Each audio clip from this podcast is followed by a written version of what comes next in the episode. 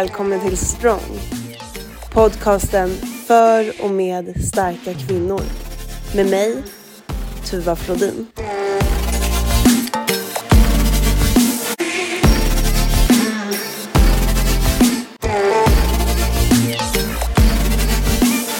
Då hälsar jag Maria Ahlberg. Välkommen till eh, veckans podd. Ja, tack, välkommen. jag, eh, bara, vi dyker ju rakt in. Du är i Australien nu, men har tidigare bott eh, på flera andra ställen i världen. Bara ge mig en kort, eh, eller en kort, ge mig bara lite härlig info. Jag tycker det lät jättespännande här när vi pratade innan. Eh, som sagt, jag är ju uppvuxen och född i Stockholm i Sverige men har alltid haft en dröm om att resa runt i världen och, och hjälpa folk med hälsa och, och eh, må bra och träna och hitta sin form. Det är inte bara att tävla, men jag har ju fått formen att tävla och se världen på det sättet också. Sen fick jag en möjlighet att eh, åka till Kambodja. Jag har alltid älskat Asien och eh, det var en trög start i början. Flytta till Kambodja, ett av världens fattigaste länder det blev lite så här, men vad ska du göra i Kambodja? Eh, det är ju ett av världens fattigaste länder. Och då tänkte jag så här, men då har inte jag tänkt till riktigt. Men det visade sig när jag kom dit så var det en jackpot. De ville ha en internationell kvinnlig personlig tränare. Så efter en månad så var jag helt fullbokad så att eh, jag kunde försörja mig på det väldigt gott där och eh, fick mycket bra klienter som kungafamiljen, premiärministern. Jag var lite även i Bollywood och tränade skådespelare. Eh, jag reste runt i Asien och hade ett väldigt trevligt liv som personlig tränare. Sen öppnade jag även en restaurang där som eh, eh varit väldigt eh, populär. Eh, det var nytt med lite hälsosam, nyttig mat. Eh, det var ju egentligen raw food i grunden, men eh, jag är inte jättefan av bara raw food. Jag vill ju ha proteiner i det. Så jag och min kollega Emma då, som kom från England, eh, vi gjorde lite blandat mix. Raw food, hälsosam mat. Det skulle vara sockerfritt, fettfritt, glutenfritt och laktosfritt. Det var det viktiga i alla fall. Och eh, efter sju år i Kambodja så flyttade jag tillbaka till Sverige av olika anledningar. Jag började sakna mina barn, min familj och olika saker. Och nu så har jag flyttat till Australien. Eh, min partner är italienare men uppvuxen i Australien. Och eh, nu är jag extra, extra glad här idag för i söndags så vart jag branded som det heter i mitt partnervisa så nu får jag stanna forever. Forever and ever. Är det så det är? Du liksom, nu har du har livstid eller vad man säger där borta? Ja, jag har det. Jag har ett residensboende här så att jag kan vara här. Men jag har ju självklart mitt medborgarskap och mitt pass och residensboende även i Sverige. Men jag får vara kvar. Australien är ett väldigt mäckigt land med alla papper, men jag har klarat åtta månader så fick jag det. De vänt ut och in på hela mitt liv och min familj, och nära och kära. Uh, var, det en, eh, var det en stor omställning att flytta till Australien eller vad, eh, vad är skillnaden från när du bodde i Sverige? Eh, det är rätt stor skillnad, framförallt vädret. Det är väldigt, väldigt varmt här. Jag bor i Perth, Fremantle. Det är en beachstad. Eh, supermysigt om man gillar att ta morgonpromenader vid beachen. Eh, ja, jag lever ett beachliv och tränar folk här och eh, har även coaching online och hjälper folk som ska tävla. Precis som i Sverige. Eh, men om så, ja, det är självklart, jag pratar ju bara engelska nu. Jag pratar inte så mycket svenska, eh, förutom när du väcker mig. Eller när jag väcker dig menar jag, eftersom jag är sju timmar före. Ehm, eh, så ja, engelska hela dagarna. Det är väldigt varmt. Eh, folk här är mycket mer, eh, vad ska man säga, lättsamma, chilliga. Eh, mycket lättare liv här. Det är inte så omständigt förutom the government som ska ha papper på allt. Eh, träningsmässigt så är kulturen här ungefär samma som i Sverige. Vi kanske ligger något lite före om hur vi har det i gymmet och hur vi tränar och sådana saker. Vi har lite mer utvecklat i Sverige, men de ligger ungefär i samma fas. Mm. Vad kul att du nämner träningen. Jag tänker att eh, det är ju någonting som jag vill fråga dig lite om. Hur, hur kom du in på hela, hela den biten?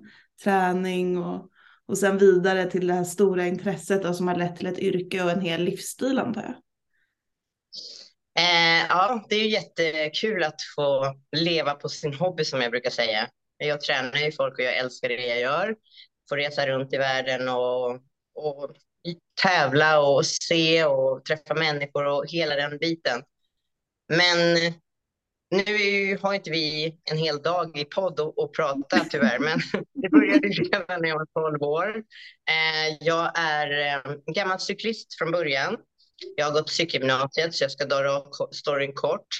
Eh, och jag gick på cykelgymnasiet för att kvala och gjorde det också till eh, cykel-OS i Barcelona. Men tre månader före så eh, blev jag skadad. Jag blev väldigt sjuk. Jag fick en sjukdom som hette tvarg som många på den tiden dog av. Eh, jag klarade det men fick vila väldigt länge, eh, ett helt år. Och av den anledningen hamnade jag på gymmet och rehabtränade mig själv och då var jag ungefär 20 år. Så det var ju många, många, många år sedan. sen har jag varit där. Jag har ju nu tävlat i 25 år och jobbat som personlig tränare ungefär lika länge. Eh, jag har alltid haft en idrottsbakgrund och hållit på att träna och kanske inte var skolans geni om man ska vara ärlig. Så, men jag har ju alltid klarat mig ändå.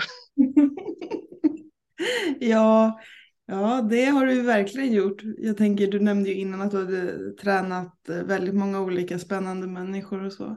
Och det känns ju som att du lever ett väldigt eh, ja, men lever ett liv som du vill leva. Känner du att, du att du är på den plats du vill vara just nu? Absolut. Eh, jag trivs, nu trivs jag ju ännu mer för jag är inte den som gillar svensk vinter. Så jag njuter lite extra mycket nu när jag vet att folk fryser och har snö utanför fönstret. Det kanske låter elakt, men jag har ju valt det här. Mm. eh, men nej, jag gillar verkligen min livsstil. Eh, jag får göra det som jag verkligen gillar eh, och hjälpa människor som också vill ha, uppnå sina mål. Det behöver inte vara någon som ska komma i den perfekta shapen till någon tävling. Det kan vara, jag har jobbat med, mycket med överviktiga, väldigt överviktiga människor också. De har gått ner ungefär halva sig själv. Eh, jag har hjälpt eh, mycket anorektiska, framförallt tjejer, unga tjejer, att komma tillbaks. Eh, och det är inte alltid lätt att vara överviktig eller underviktig. Så det är sådana personer som jag väldigt gärna jobbar med för att jag känner att jag hjälper dem på ett fint sätt. Och, eh, men självklart brinner jag för att hjälpa någon och coacha någon till att stå på scenen och, och få göra det som de också drömmer om. Eh, många drömmer ju om att stå på scenen, men det är inte det lättaste att stå på scenen överhuvudtaget. Det är mycket runt omkring som man inte tänker på. Jag brukar alltid säga det till de som kommer till mig. Maria, jag skulle så gärna vilja tävla. Det ser så roligt ut. Men eh, då brukar jag säga till dem, det kanske ser jätteroligt ut. Man är väldigt stylad, ser snygg ut. Håret ser inte ut som idag, bara rufsigt direkt upp ur sängen och osminkad. Men men på scen är allt lite fake som jag brukar säga. Man ser väldigt bra ut, man har kämpat så länge för det, men den sista månaden är inte kanske jättesund och inte alltid fitness, vad man tycker att fitness ska vara. Eh, sista månaden brukar vara att man är trött kanske, man är hungrig, eh, det är mycket som lockar på sidan om, man kanske blir på dåligt humör och sådana saker. Men om man är öppen för det eh, och känner att ja, men det låter ju också jättekul och jag vill göra det här. Då brukar jag pusha dem och peppa dem och ge mina tips som jag har för att jag har väldigt mycket tips eftersom jag har tränat och tävlat i 25 år på internationell nivå och i Sverige. Ja, hur kom det sig att, för då började du ju på gymmet som egentligen rehabträning och sen så fortsatte det. Men hur, hur kom du in på kroppsbyggning tror jag? Det, det är ändå en stor skillnad på att rehabba på gymmet och att sen ställa sig på en scen och visa upp en fysik man är stolt över. Mm. Eh, jag gjorde ju rehab på ett gym eh, och jag kände han som ägde gymmet och jag tyckte att det var väldigt roligt helt plötsligt att börja träna och jag såg att jag fick en, en förändring på min kropp. Eh, började få, som cyklist var jag väldigt smal och eh, jag kände att men jag skulle nog vilja ha lite axlar och lite armar till de här två stora muskulösa benen. Det är så som en cyklist ser ut.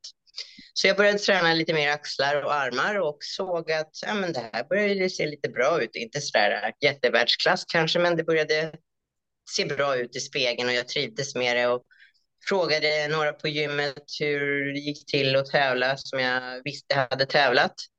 Och sen bara fick jag för mig att jag ska testa det där. Och på den vägen var det. Och det var 96.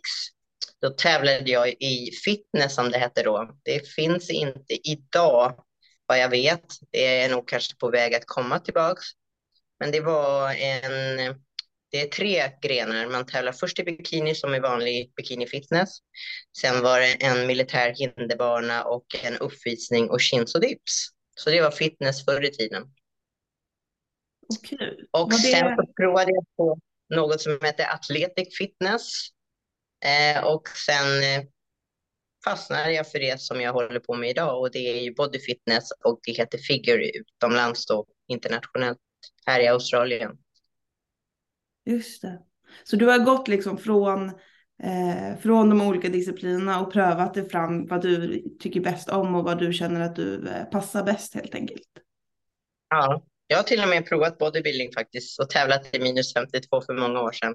Är det sant? Och jag tyckte att det var väldigt eh, roligt att testa alla grenarna.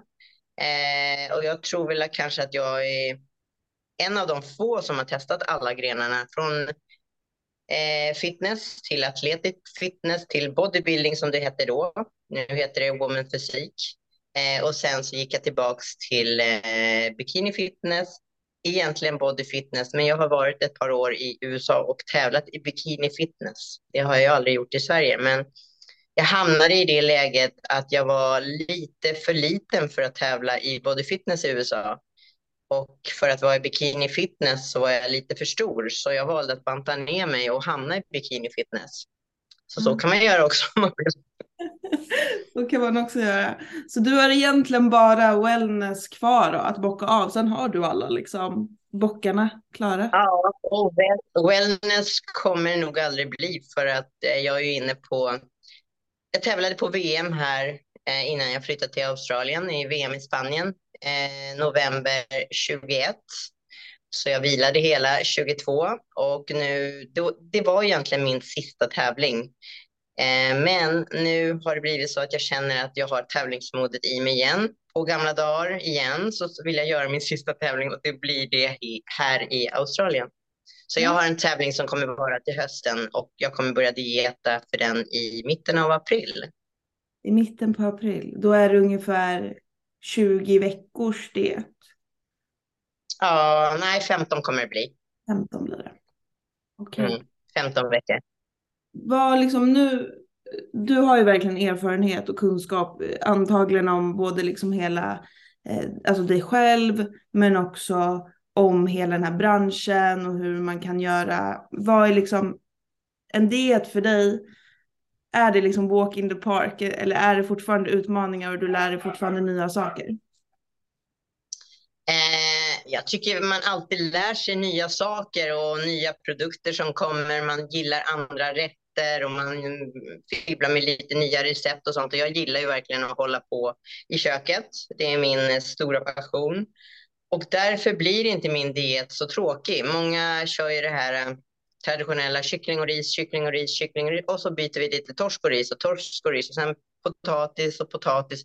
Och jag är inte riktigt så, jag vill ha mycket kryddor, jag vill att det ska smaka gott och de som tränar för mig, de vet att de får väldigt goda recept och det har jag fått höra nu. Och det är så jag dietar själv. Jag tycker att man ska ändå leva samtidigt som man dietar. Det ska vara en härlig, behaglig resa. Men missuppfatta mig inte, det är inte lätt sista månaden då man får slita. Det är mycket runt omkring. Eh, jag brukar säga att tävla i slutet är ett halvtidsjobb. Mm. Ja, verkligen. Och vad menar du med det för de som inte har tävlat? Eh, ja, man lägger ihop hela tiden. Om vi säger att jag är väldigt duktig på att planera. Jag gör ju mina matlådor ungefär var tredje dag, för jag gillar att ha maten hyfsat färsk. Många gör det kanske för en vecka, men jag tycker att var tredje dag passar mig. Och då planerar jag vad lådorna ska innebära och allting och det, det tar ju en liten tid. Så om man splittar ut det på varje dag så, så har ju det sin lilla tid. Sen är det morgonpromenader, cirka en timme varje dag. Det första jag gör innan jag vaknar. Eh, sen jobbar jag såklart. Eh, sen eh, egen träning och posering. Posering är ju nyckeln till allt. Du kan vara hur bra form som helst, men kan du inte posera så har du ju inte så mycket att göra på scenen ändå. Och det tragglar jag på var och varannan dag, även fast jag inte tävlar. Och det, det är väl mitt tips till många att när ni börjar att få tankar att tävla, börja tänka posering redan på en gång.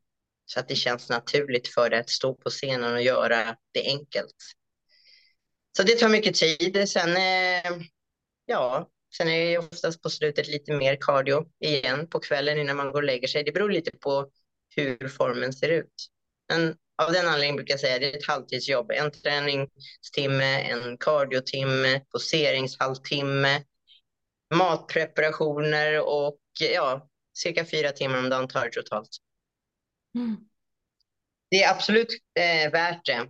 Eh, så att alla som vill och känner att det är en dröm, testa. Men ta hjälp av någon som ni verkligen ser upp till och lyssnar till och just känner att jag har en bra kontakt med den här personen. Mm. Och är en kvinna eller man eller gammal eller ung, det spelar ingen Du måste ha den här kursen och känna att den här personen stöttar mig och har en kunskap som jag gillar. Eh, jag har sett många som kanske tar lite hjälp från här och där och, och då blir det lite för många kockar och den soppan brukar inte bli så bra till slut.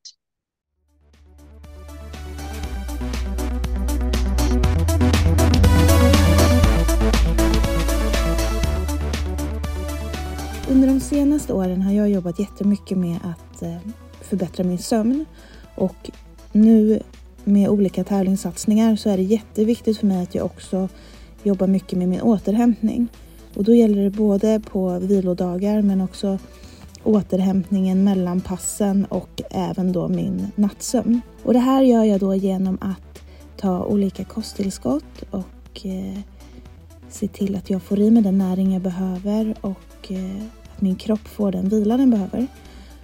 Och till hjälp så har jag slappa.com med mig i det här och Slappa är en e-handel som har fullt fokus på bättre sömn, vila och återhämtning. Eh, om man är kund hos dem så hittar man enkelt vad man behöver och skulle det vara så att man är eh, osäker eller känner att man behöver hjälp så kan man få det genom deras eh, Eh, sömnkompass. Du hittar olika kosttillskott, tyngdtecken och eteriska oljor på deras hemsida bland annat. Det känns jättekul för mig att kunna ge er lyssnare en rabattkod. STRONG20 anger ni i kassan så får ni 20% rabatt på hela köpet. Alltså STRONG20 så får ni också rabatt på slappa.com. Slappa med Z.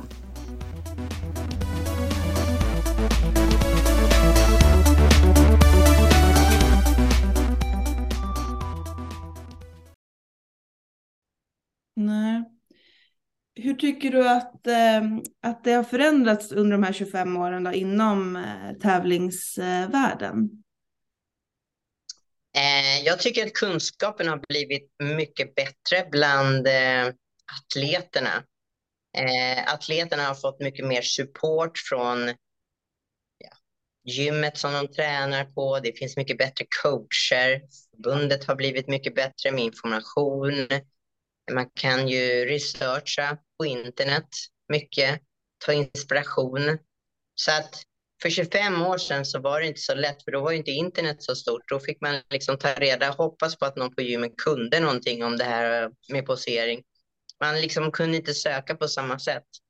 Så idag så tycker jag att det är rätt lätt att hitta personen som man behöver ha. Poseringscoach, vanlig coach. Vilket gym vill jag vara på? Vilka vill jag tävla för? Det är bara att sätta sig ner och söka det som passar just en själv.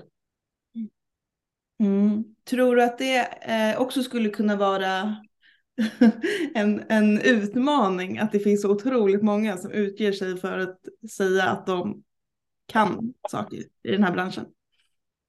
Absolut. Det finns ju folk som tror att de kan. Eh, och när du är ny som ny i den här branschen och har en önskan att tävla så är det kanske inte så lätt att veta vem ska jag välja nu?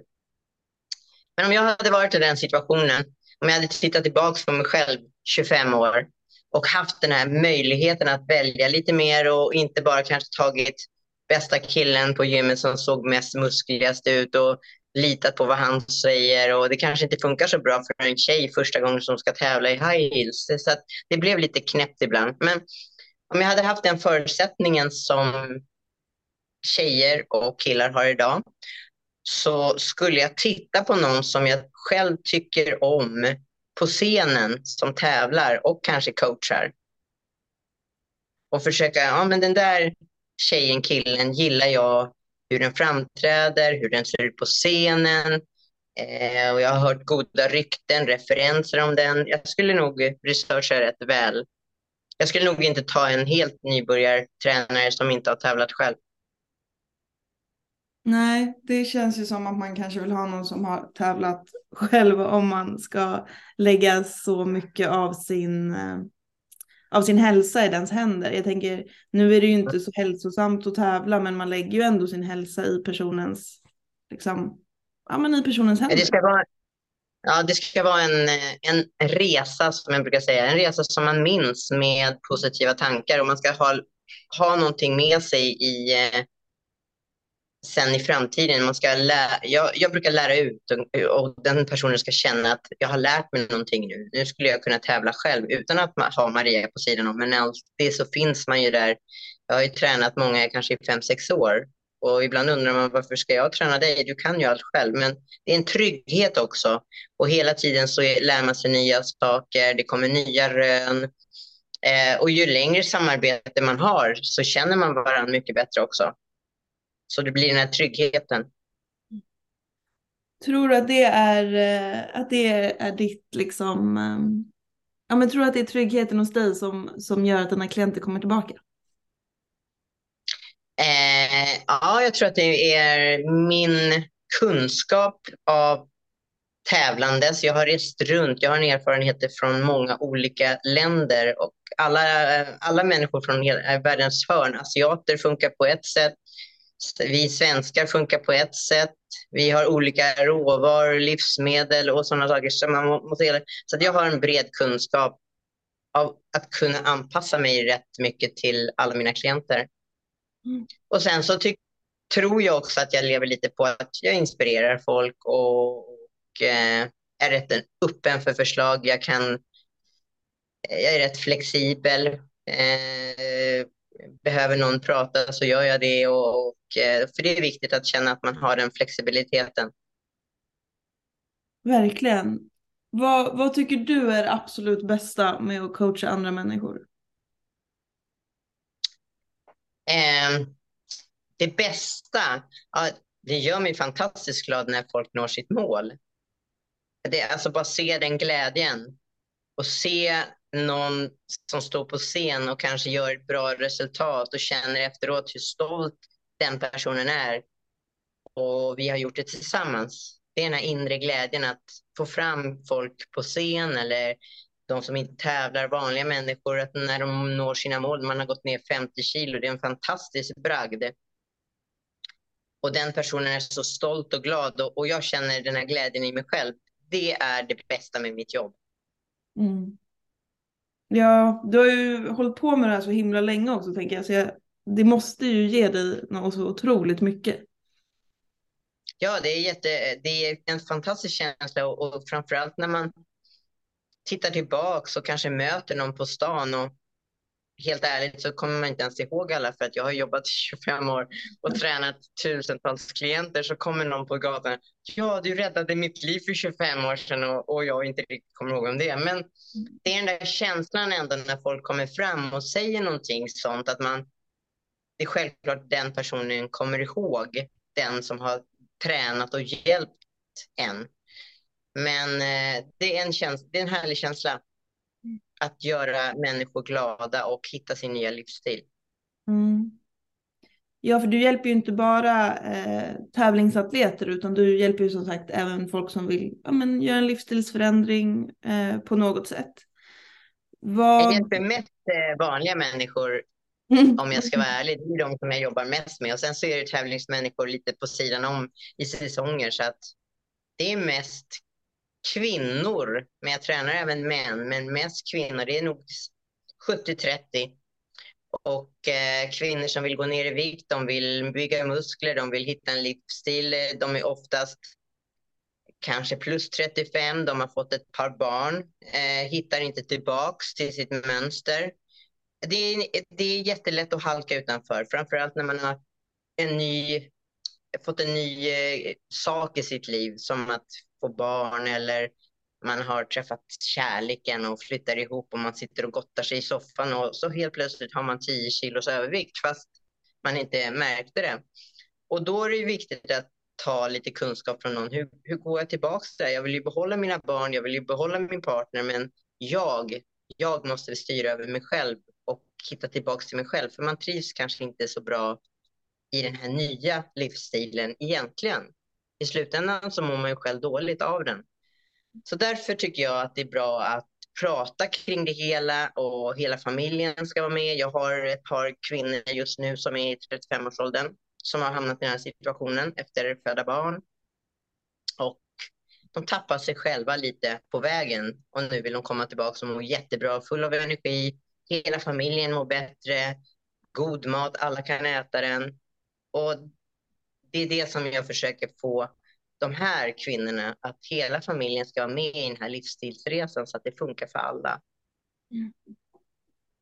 Mm. Så egentligen är det inte, inte vad du äter som är felet, det är hur mycket du äter av det. Jag brukar säga att man kan äta allt. Och det är det som folk blir lite förvånade när de ser mina kostscheman, att ja, men du kan dricka vin en dag i veckan. Det är ingen som dör av det. Men du måste ju balansera det. Ja, vad tror du är utmaningen eh, när man gör en livsstilsförändring? Vad, vad är utmaningen i det? Eh, jag tror att det är alltid de här yttre faktorerna som är på sidan om. Så klarar man två veckor och sätta en ny rutin så brukar det funka bra. Men det är just de här, ja, om jag skulle sätta dig på en rutin och jag vet att du gillar godis så kommer jag förbi. Men vi tar lite fika, jag har med mig en liten godispåse här. Så det är alltid de här yttre faktorerna som förstör lite. Det gäller att bita ihop och, och jag själv har ju varit en, en sockernarkoman. Jag har varit beroende av socker. Men eh, det, det har jag jobbat bort. Nu kan jag vara sugen på socker men jag behöver inte ha 500 gram plockgodis varje dag. Så eh, det händer även den bästa. ja, men berätta lite mer. Det är ändå, det är ändå lite uppfriskande att höra att, att, att du har varit där också och, och liksom tagit dig ur det på något sätt. Eh, sen måste vi bara fråga, finns, finns lösgodis i Australien? Absolut, det har jag tagit reda på.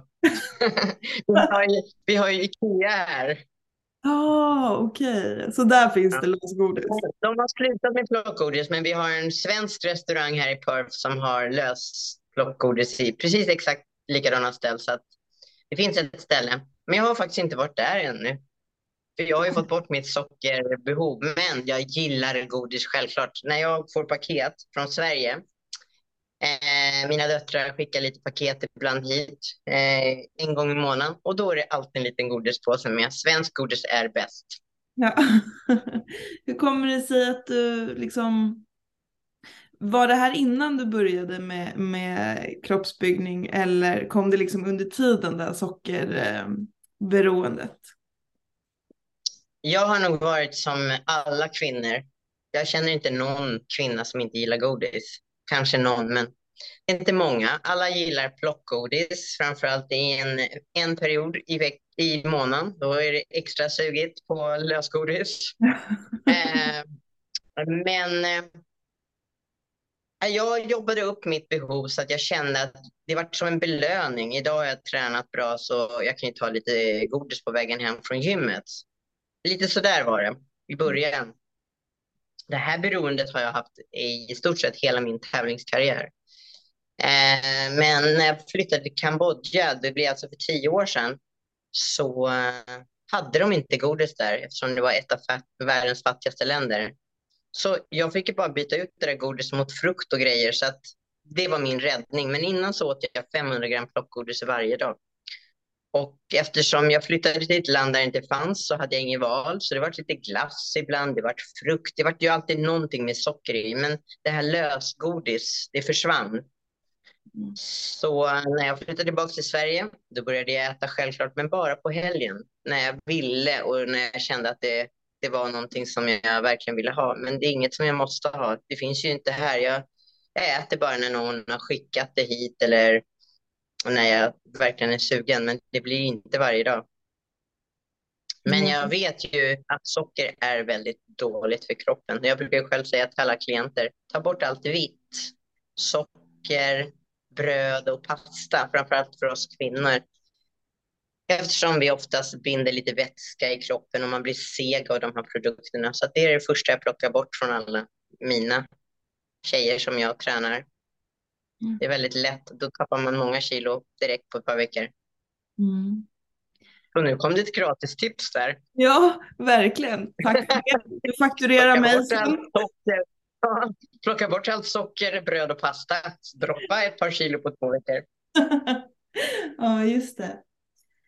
Ja, men jag tänker, du nämner ju kvinnor här, så vi måste ju gå in lite mer på det. Vad, vad är skillnaden på coach en man och en kvinna? Rent så generellt, alltså vi pratar ju alltid generellt såklart. Ja, eh, jag har ju coachat båda. Eh, jag som coach ser ingen större skillnad egentligen. Det, det är nästan jobbigare att coacha en kvinna för då ska det vara det här, jag gör ju makeup och hår också på dem som mm. coach. Så när, då, när jag vaknar med dem på morgonen så är det makeup och hår som görs och det blir lite mycket massa annat, du vet, kvinnligt, det ska, bikinin ska limmas, det ska sitta perfekt. När det är en kille så bara sätta på sig byxorna så är allt bra. Mm. Mm. Det är ändå som är skillnad, men coachningsmässigt ingen skillnad alls. Nej. Upplägg och sånt, det är samma lika? Alltid likadant. Mm. Eftersom jag skräddarsyr alla kostprogram så jag anpassar efter den personen och, och, det har ingen betydelse om det är en man eller kvinna. Mm. Och när det gäller livsstilsförändringar så är det samma sak, det är alltid individuellt. Ja, absolut. Individuella träningsprogram, kostupplägg. Mm. Alla, alla är ju olika så att jag får ju oftast frågan, Maria kan inte du bara sätta ihop ett lätt kostprogram till mig? Du har väl någonting som ligger där och skräpar hemma på datorn? Mm. Ja, jag har ju massa som ligger här och, och liksom i mappar med namn. Men om du har ett kostschema som jag gör till dig så funkar inte det på samma sätt om du ger det till din kompis för det är anpassat för dig och, och din balans, hur mycket du tränar per dag och rör på dig i veckan. Du har ju en hund som du går ut med och går och, och du rör kanske på dig mer än någon annan vän. Så att då räknar jag ut allt för att du ska nå ditt mål. Och skulle du ge det till någon annan så skulle det målet inte bli så bra kanske. Tror du att man vet det här liksom? Att det är så individuellt? Att man inte bara kan be om, om det där kostschemat som ligger och skvalpar? Jag tror att många människor vet om det, men de tror att det kanske finns en liten genväg. Eftersom vi människor är ju lite sådär, har du inte någon litet tips för snabbt sexpack eller någonting? Det finns ingen genväg. Nej. Rör på sig mer, Alltså det är fantastiskt att sitta och grilla på kvällarna. Det är så lätt att göra laga matlådor. Det är bara att lägga två kilo kycklingfilé på grillen och sen så slicear man upp det så har man ju ett par dagars lådor och, och potatis på sidan om. Så allt blir så lätt. Och när allt blir lätt, ja då blir ju allt rätt i slutändan. Ja, det, det är mycket lättare att göra rätt när det är lätt och, och vice versa. Ja, så, promenad när det är varmt kontra snöstorm. Ja, men det är mycket skönare, mycket lättare, motiverande att gå ut och man rör på sig mycket mer på sommaren. Man går till sina vänner och, och man är ute på ett helt annat sätt. Mm. Så att jag tror att klimatet har en stor betydelse, absolut. Mm. Mm, jag är jätteavundsjuk. Jag sitter bara och tittar ut här och jag ska ut i det här vädret sen. Jag vill inte. och det var såklart superfint och härligt. Vad är klockan någonstans? Ja, det är bara 30, 30 grader ungefär. Uh. Och vad, vad är klockan då? Är, är ni 12 timmar fram? Eh, sju timmar är det för i Sverige. Så klockan är nu kvart i tre på eftermiddagen här i Australien.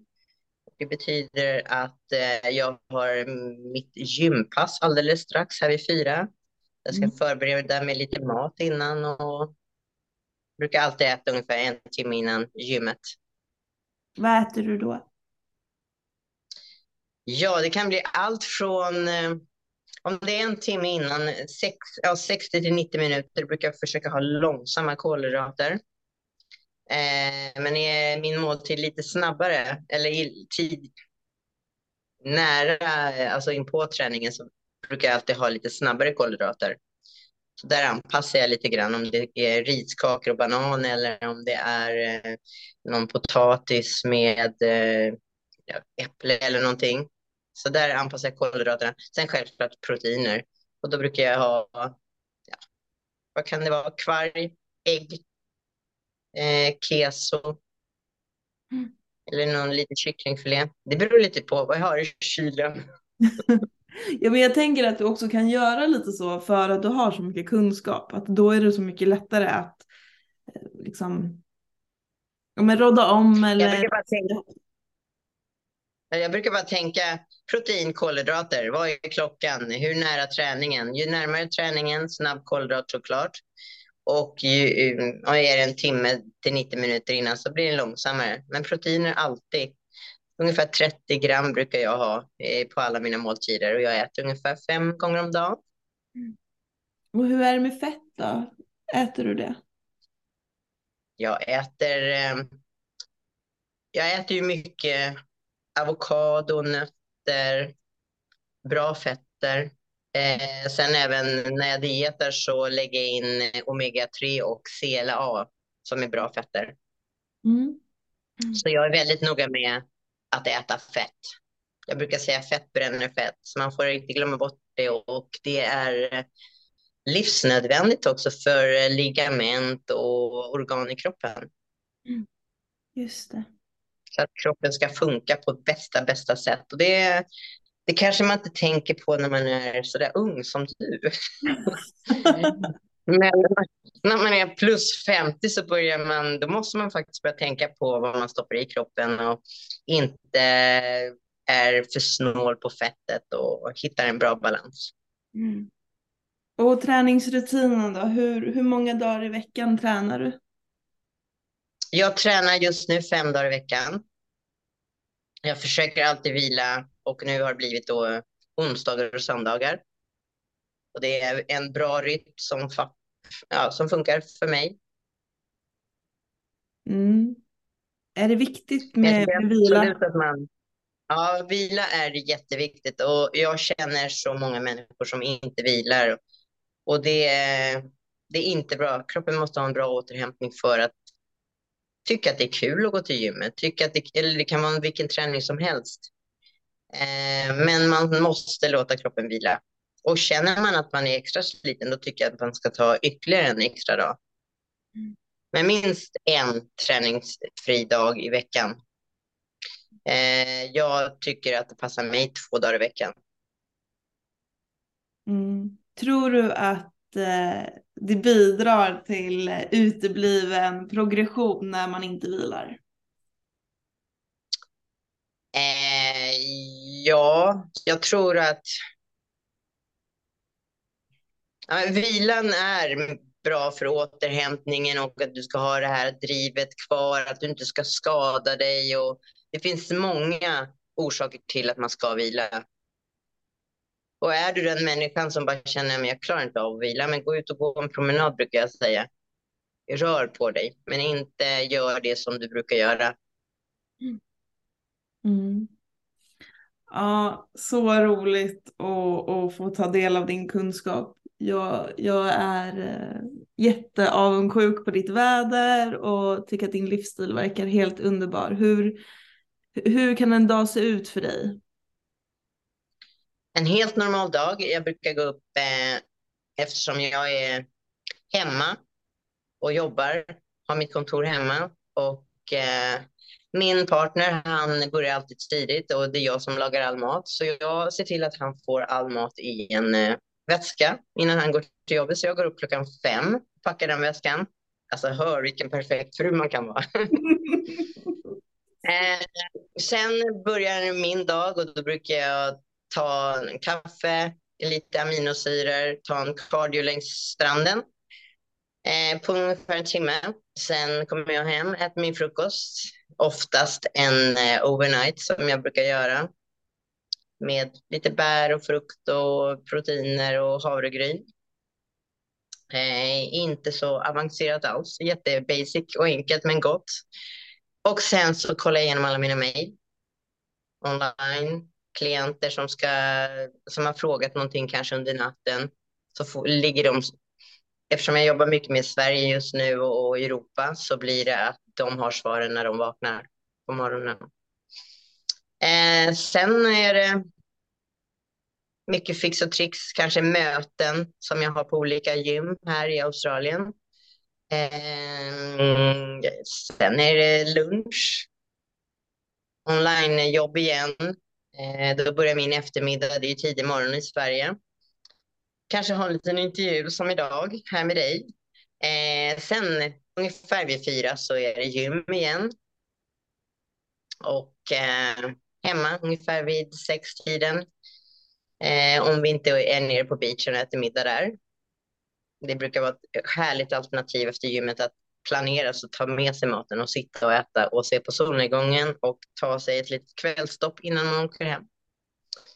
Och då brukar jag titta på min e-mail igen och kanske någon härlig film innan man går och lägger sig. Så det var min Australien-dag i vardagen. ja, Men på helgerna så brukar jag alltid hitta på någonting som man tycker är kul. Eh, I helgen så gjorde vi eh, parasailing för exempel. Och eh, helgen innan så var jag ju, gillar djur så jag har varit och tittat på koalabjörnar och kängurus och allt som man kan titta på här. Så att jag passar på att göra alla turistsakerna här, även fast jag har varit åtta månader här än så länge. Så känns det som jag är lite turist. Ja, finns det fortfarande saker att se fast du har bott där i åtta månader? Absolut. Australien är så stort så det är helt galet. Mm. När man flyttar hit det är då man förstår hur stort det är. Ja, det är så. Ehm, mina föräldrar har bott i Nya Zeeland så att jag, eh, jag vet ju ändå lite hur liksom, klimatet och naturen är. Och det var, det var magiskt i Nya Zeeland och jag kan tänka mig att Australien är, är precis lika härligt. Mm. Nej, men det är ett fantastiskt land. Det är ett land som många drömmer om så att jag är glad att jag har förmånen att bo här just nu. Ja, det är så häftigt. Jag eh, ska ställa dig mina tre sista frågor tänkte jag, som alla mina gäster får. Ja, kul. Kör. Och då är första frågan, eh, nämn en kvinna som inspirerar dig och i så fall varför. Eh, jag har inte någon speciell just nu, men när jag började min karriär för ungefär 25 år sedan så var jag i USA. Och då var det en kvinna som heter Monica Brandt och hon tävlade i fitness i USA och då hade inte jag börjat tävla. Men hon var ju så sjukt snygg, såg så bra ut och eh, hon inspirerade mig i många, många år. Eh, nu är vi vänner. Hon bor i USA och har tävlat, men hon slutade rätt snabbt. hennes karriär varit rätt kort.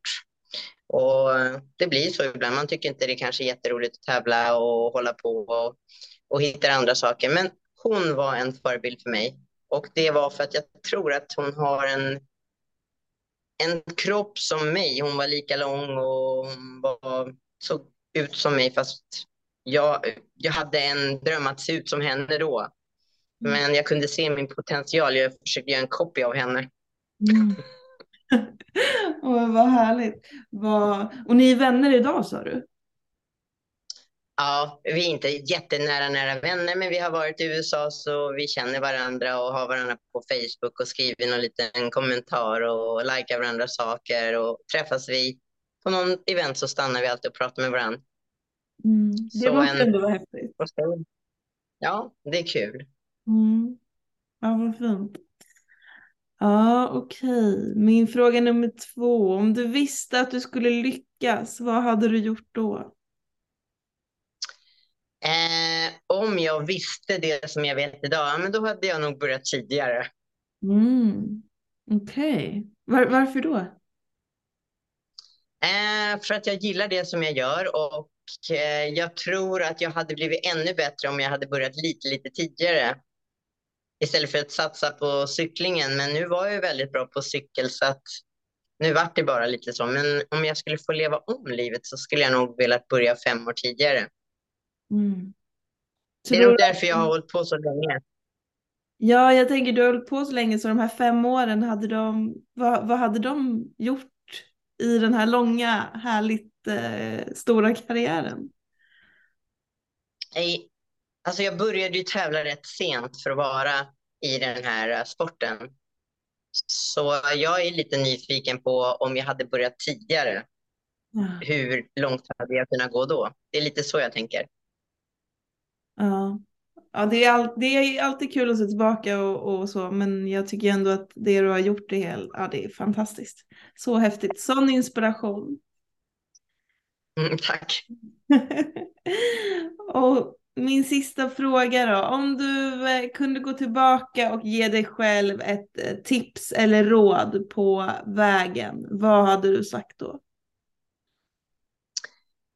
Eh, ja, vi var inne på det lite förut. Om jag hade vetat det som jag hade vetat idag så skulle jag ju kanske satsat på en bra coach tidigare i min karriär.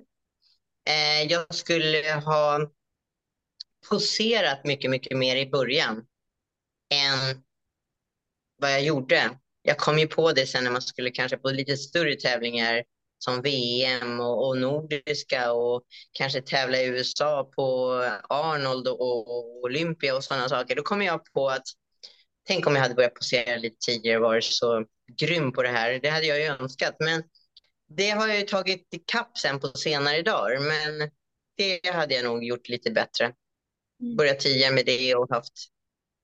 Men annars, min andra halva av karriären tycker jag att jag har gjort så bra som jag verkligen har kunnat göra. Mm. Men självklart hade jag önskat att jag hade gjort min första halva lika bra. Och vad roligt att du nämner att du hade, att du hade haft en, en coach, en bra coach. Så. Hur, hur gör du, coachar du dig själv idag eller hur, hur ser det ut? Idag så coachar jag mig i stort sett själv, eh, helt och hållet. Jag tar hjälp från eh, ett par stycken i små frågor där jag känner att jag vill ha tips och eh, råd. Så i min tävlingssäsong, sista tävlingssäsongen som jag hade med VM och Nordiska och SM hösten 21, eh, då tog jag mycket inspiration och hjälp ifrån Karina Isaksson som också har tävlat i fitness men avslutat sin karriär för många år, för ett par år sedan. Men hon jobbar ju för förbundet och eh, hon har alltid också varit en förebild för mig och jag känner henne och gillar det hon gör. Så att av den anledningen så fick hon hjälpa mig med poseringen och det blev riktigt bra. Och vad roligt. Och nu är nästa steg, eller sista som du säger, är en tävling i Australien. Ja, men då kommer jag sköta mig själv, hundra. Ta hjälp av eh, ja, självklart hjälp och support från min partner som jag bor med, Claude. Och, eh, sen kommer jag ta lite råd från, eh, ja, kanske online från Karina gällande poseringen. För det är lite nya saker i vårt förbund nu i IFBB med poseringarna. Eh, så att det blir rätt om jag inte hittar någon här i Australien. Men Karina är en trygg person som jag gillar så det blir nog att ta hjälp av henne. Och sen har jag min gamla coach Neil Hill från USA som hjälper mig med små saker. Mm. Ja, vad roligt. Ja, Maria, jag får önska dig stort lycka till och tusen tack för att du tog dig tid att prata med mig.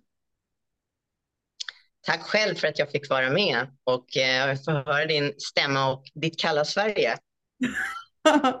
ja, tack snälla du.